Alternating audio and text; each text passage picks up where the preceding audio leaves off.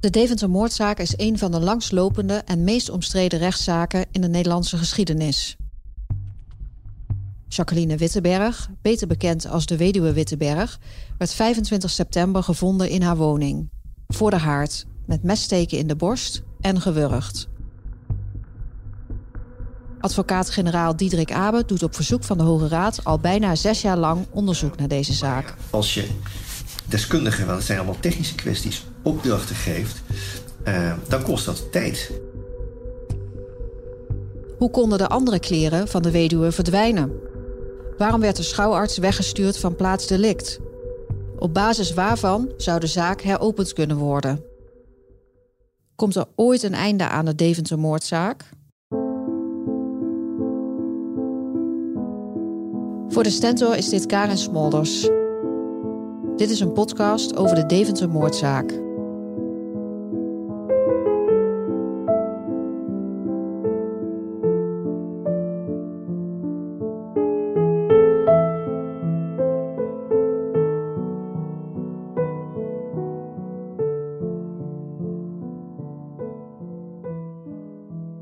Advocaat-generaal Diederik Abe doet op verzoek van de Hoge Raad al sinds 2013 onderzoek naar de Deventer-moordzaak. De Hoge Raad is het hoogste rechtscollege in Nederland. Deze stelt zelf niet meer de feiten vast, maar bekijkt of de lagere rechter bij zijn beslissing het recht goed heeft toegepast. Hoe werkt dit onderzoek van Diederik Abe dan precies? Advocaat Knoops wil de zaak heropenen. Hierover gaat de Hoge Raad. Zij laten een onafhankelijk iemand, in dit geval Diederik Abe, onderzoek doen. Als hij zijn onderzoek heeft afgerond, deelt Abe de conclusies met advocaat Knoops en die beslist dan of hij daadwerkelijk een herzieningsverzoek indient. Dient Knoops dat verzoek in, dan bekijkt de Hoge Raad of ze de zaak daadwerkelijk heropenen. Wat nodig is. Um, gesprek hebben jullie nodig, zeg maar? Want ik weet niet hoe lang de podcast gaat duren. En ben ik nou, we hebben, of, Nee, nee, we hebben echt. Uh, uh, Abe heeft al vele verschillende functies bekleed binnen het rechtssysteem. In 1993 begon hij in Amsterdam als officier van justitie en tien jaar later werd hij daar vicepresident.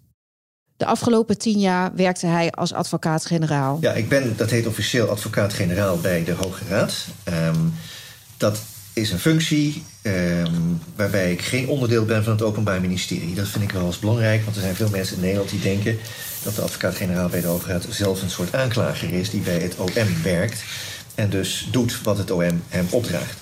Dat is niet het geval. Wij zijn inderdaad een onafhankelijk onderdeel van de rechtspraak in Nederland.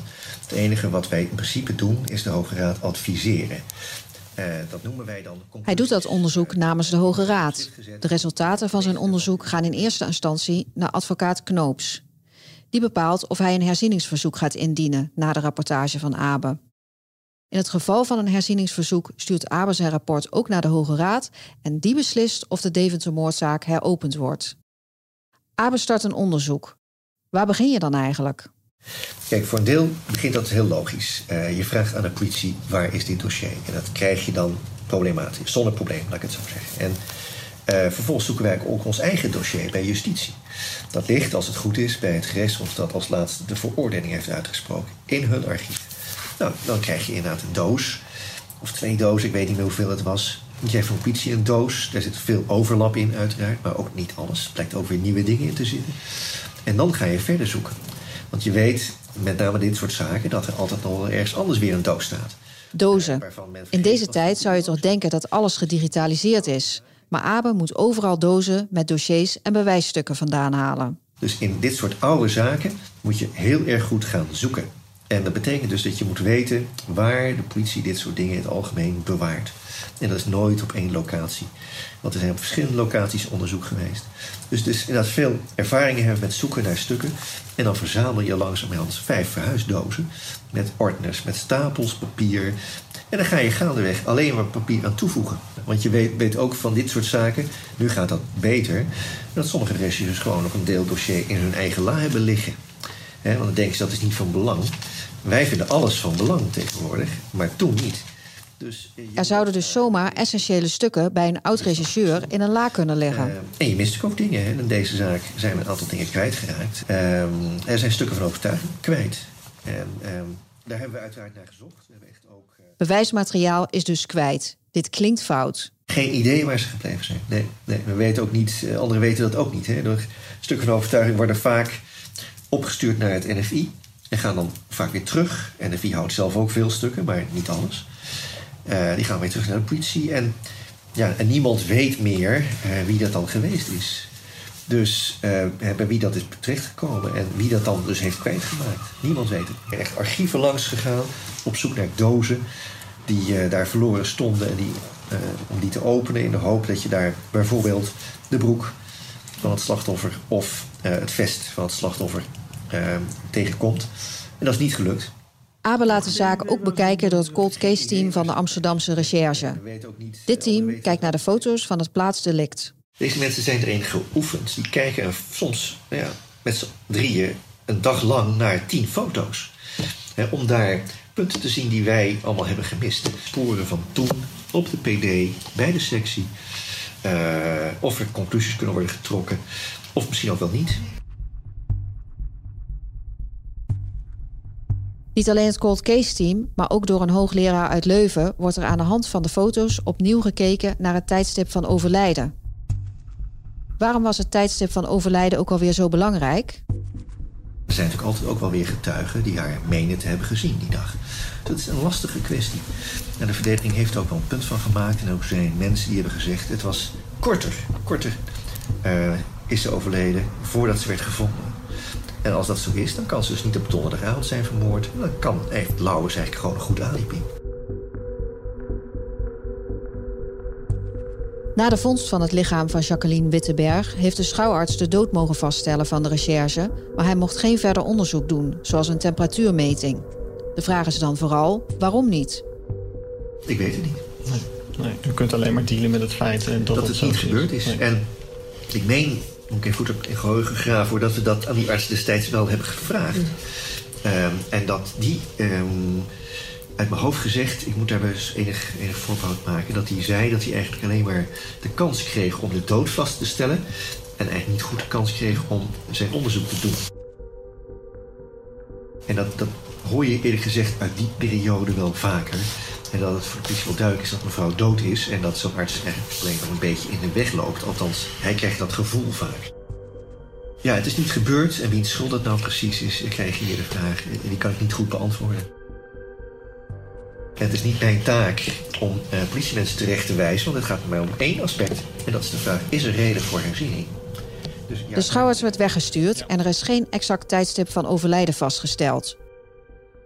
Hoe kan een deskundige 20 jaar later alsnog op de foto's zien hoe lang iemand al is overleden? Temperatuurmeting is over het algemeen het meest betrouwbaar. Dus men keek op basis van de foto's naar bijvoorbeeld, en het sectierapport moet ik erbij zeggen, naar de mate waarin lijkvlekken weggedrukt kunnen worden. Uh, de glans in, de ogen van de overledene, ze had haar ogen half open. Uh, en dus de patronen van de lijkvlekken en de lijkstijfheid. En die vier aspecten die werden meegewogen en dat gaven in ieder geval aanleiding tot vragen, laat ik het zo zeggen.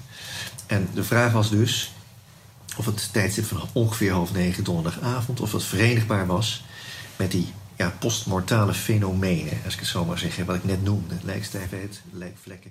Oké. Okay. Punt 1, wat belangrijk is voor een eventuele herziening van de zaak, is het tijdstip van het overlijden wat Abe opnieuw laat onderzoeken. Een tweede punt heeft te maken met het telefoontje dat Lauwers op donderdagavond pleegde met de weduwe. Lauwers vertelde de politie dat hij op donderdagavond bij het harde reed, terwijl zijn telefoon aanstraalde op een zendmast om de hoek bij het huis van de weduwe.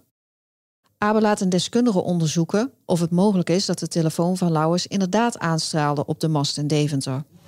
Uh, het komt eigenlijk op neer dat als je de meest gunstige positie op de 28 gaat staan, dat is, is in de omgeving van Harderwijk, waar de Veluwe wat lager is en wat meer ruimte laat richting uh, Deventer. Um, en je ja, de, de, omstandigheden van het systeem als het ware mee hebt, dan is de inschatting van deze deskundige dat er een kans van ongeveer 5% of minder is. Dat je vanaf de A28 inderdaad verbinding legt met de zendmast 14501, dat is het nummer die in Deventer staat. Een kans van 5%, is dat niet veel te weinig? Het is, kijk, bewijs is natuurlijk altijd een kwestie van waarschijnlijkheden. He, zelfs als tien getuigen zeggen dat ik iemand heb doodgeschoten, Ehm, dan nog kunnen tien getuigen allemaal liegen of zich vergissen of iets verkeerd eh, zich herinneren. er zit altijd in de imprinting of in het waarnemen of in het, uh, het, het, uiten van wat er zich herinnerd wordt. Zit er een probleem. dus zelfs tien getuigen kunnen zich vergissen. En toch worden veel mensen veroordeeld op basis van één of twee getuigen. Maar het zijn er al tien. Het tweede belangrijke punt in Abes onderzoek is dus de mogelijkheid of de telefoon aan kan stralen op een mast die op grote afstand staat. Het laatste cruciale punt is het DNA. Belangrijke stukken waar het DNA van de moordenaar op kan zitten, zoals de broek en het vest van de weduwe, zijn verdwenen. Is er een reden om te denken dat dit bewust is gebeurd? Daar heb ik geen aanwijzingen voor, laat ik het zo. Dat, dat sowieso al niet. En het vermoeden heb ik eerlijk gezegd ook niet. Kijk, het is, ik draai al wat langer mee in dit wereldje. En dan weet je dat uh, de meeste missers kunnen worden verklaard door ja, vergissingen, fouten, blunders, hoe je het ook noemen wilt. En opzet, ik kan ook niet uitsluiten dat opzet wel een keer voorkomt. Maar dat is meer de uitzondering dan de regel. Daar moet ik aanwijzingen voor hebben. Die heb ik niet. Hoe kunnen deze belangrijke stukken dan missen? Mijn beeld is eerder dat het gaat om stukken die kwijtgeraakt zijn, ergens in het proces van verzending. Uh, maar het is natuurlijk een blunder uh, als er bepaalde stukken van overtuiging die voor onderzoek het onderzoek meer dan waard waren, als die verdwenen zijn. Uh, ik, ik, denk dat het nu allemaal zorgvuldiger gaat.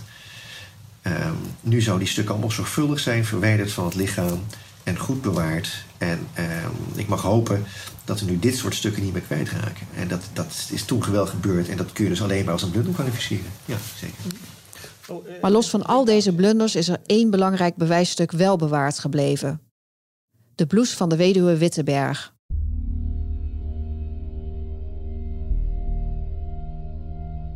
Die blouse is er nog, want ik heb hem zelfs echt gezien uh, achter glas. Hij ligt bij het NFI. Daar heb ik uh, wel iets meer vertrouwen in wat dat betreft. Dus daar uh, wordt hij bewaard. Dus die heb ik ook echt gezien. Daar kunnen alleen maar uh, deskundigen bij. Ik heb hem gezien, uiteraard niet aangeraakt. En er zat dubbel glas tussen.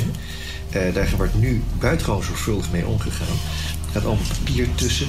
Wat weer bewaard wordt als die blouse eruit gehaald wordt. En weer met nieuw papier erin.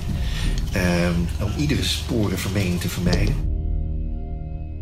Abe laat de blouse opnieuw bekijken door een Engelse DNA-deskundige. Iemand die het werk van Richard Eikelenboom van het NFI opnieuw bekijkt. Daar was ik ook bij.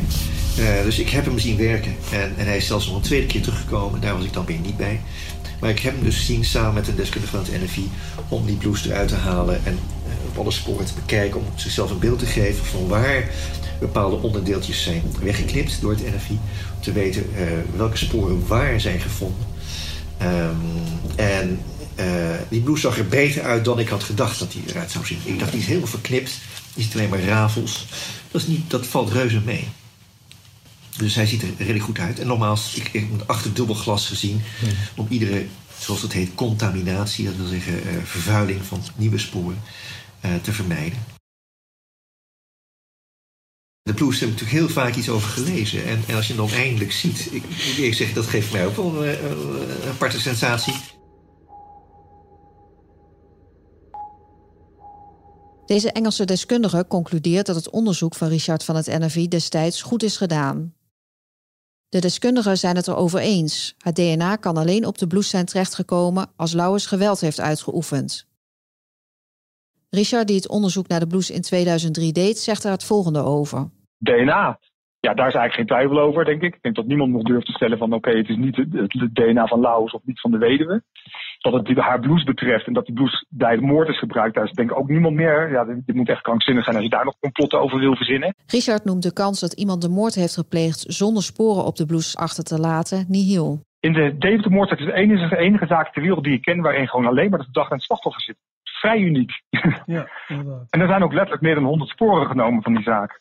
Dus als het, en dat is meteen het volgende punt. Oké, laten we aannemen dat het iemand anders het gedaan kan hebben. Ja, weet je, in 1999, de mensen zijn nog niet zo DNA werd, dan heeft die man echt in een maandpak rondgelopen. En helemaal niet achtergelaten.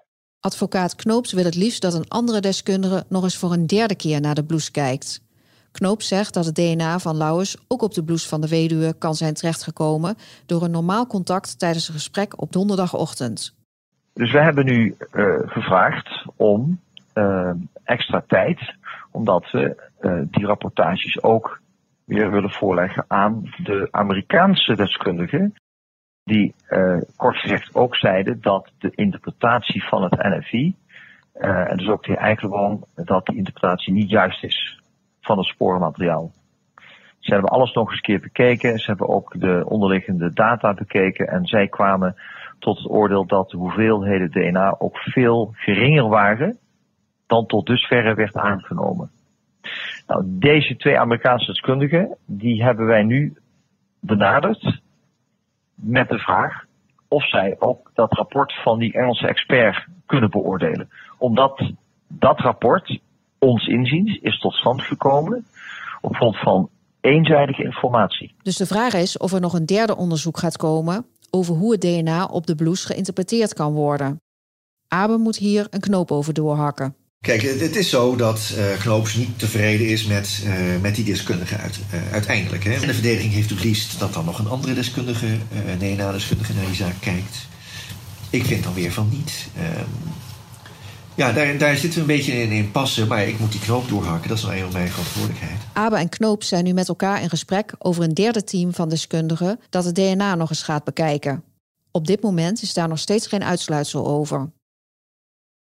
En hoe nu verder? Diederik Abe moet zijn onderzoek afronden. Op basis hiervan besluiten Lauwers en Knoops of ze om een herziening vragen. En dan beslist de Hoge Raad of de zaak heropend wordt. Als uh, Knoops, de heer Knoops, met een herzieningsverzoek komt, eerlijk gezegd verwacht ik dat hij dat wel doet. Maar we gaan natuurlijk eerst uh, dit onderzoek afronden. Ja. En pas daarna gaat hij het bedenken: uh, doe ik een herzieningsverzoek?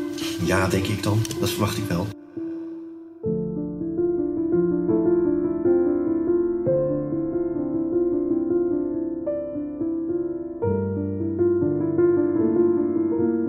Van veel onderzoek dat nu opnieuw gedaan wordt, kun je je afvragen of de rechercheurs destijds geblunderd hebben.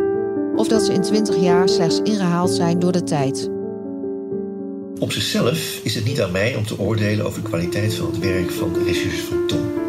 Overigens is dat een jaar of tien geleden wel een keer onderwerp geweest van wat wij een artikel 12 procedure noemen. En die hebben wel een oordeel gegeven over het, uh, het handelen van, van de technische recherche van Tom. Dat was ook niet heel lovend, laat ik het zo zeggen. Jaap Visser, onderzoeksleider 20 jaar geleden, zegt dat hij en zijn team het werk naar eer en geweten hebben gedaan, maar dat ze inderdaad zaken over het hoofd hebben gezien. Ik heb niet, ook in deze zaak niet echt gehad dat ik zeg van nou, daar heb ik nou een keer uh, echt slecht van geslapen. Ik bedoel, uh, ik had wel het gevoel, en dat is ook, ook onze intentie natuurlijk altijd, je hebt het, het het maximale eruit gehaald. Alleen in dat maximale zijn toch dingen over het hoofd gezien. Ab, de regisseur die in 99 op de zaak zat, hekelt vooral de manier waarop Maurice de Hond zich met de zaak bemoeide. Ik laat het maar zo zeggen, de, de manier waarop uh, meneer de Hond dit meende te moeten aanpakken, de, dat vond ik, uh, ja, ging je wel helemaal met gestrekt benen. Ik kan niet zomaar zeggen van luister, je hebt mij doodgemaakt. Zonder dat daar maar één... Uh... En als je zegt van ik heb twijfel over hoe de zaak gelopen heeft, ik wil niet zeggen dat je dan zomaar tegen iemand anders kan zeggen van maar jij hebt het gedaan en niet iemand anders. Ik vind het allemaal wat. Ook vindt hij het verschrikkelijk dat het team dat de zaak onderzocht en waar hij onderdeel van uitmaakte, zo onder vuur ligt. Die, als je het aan praat van zo'n complot, dat is, vind ik bullshit. Echt. Ik twijfel niet aan. Uh, echt niet. Echt niet.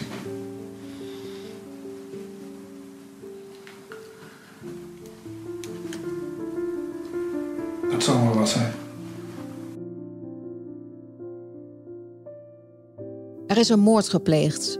Er is bewijs en een veroordeling. Sterker, de veroordeelde Lauwers heeft zijn straf ook al uitgezeten. Maar twijfels blijven bestaan in deze zaak. Waarom eigenlijk? Omdat het politieonderzoek broddelwerk was. Dit gaf alle voer voor speculaties en complottheorieën. En neem daarbij de keurige veroordeelde die ontplofte in de rechtszaal. Kun je dit acteren? Kun je een moord plegen en zelf gaan geloven in je onschuld?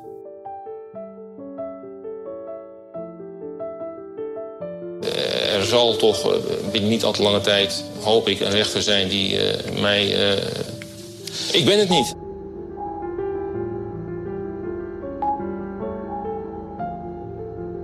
Hij leeft inderdaad een rustig leven, bescheiden, teruggetrokken. wil vooral niet in de belangstelling, werkt hard. Ja. Hè, natuurlijk ondanks deze, deze last die hij met zich draagt, die onterechte veroordeling. Ehm, ja, en het, het, hij is daar natuurlijk ook dagelijks in zijn hoofd mee bezig. Met deze onterechte veroordeling. Maar um, ja, hij hoopt echt dit keer dat uh, justitie uh, uh, de zaak zo zorgvuldig bekijkt zoals het behoort. Het maakt niet uit of iets onomstotelijk bewezen wordt, want er is altijd een partij die het omgekeerde vindt. Er blijft altijd twijfel bestaan.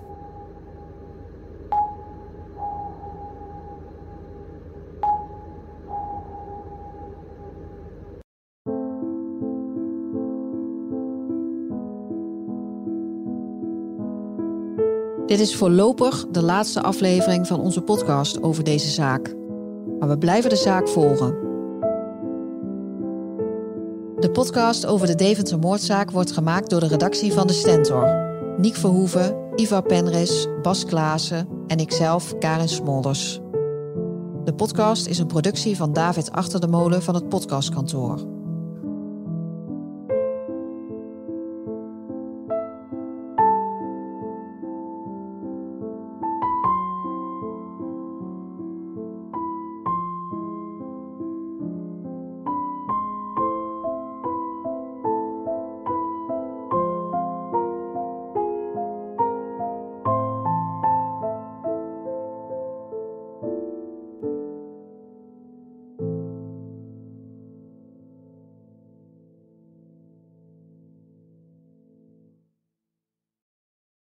De Stentor lees je alles over de wietteelt in jouw buurt en de ecstasyproductie in Nederland en de Mexicaanse cocaïneoorlog.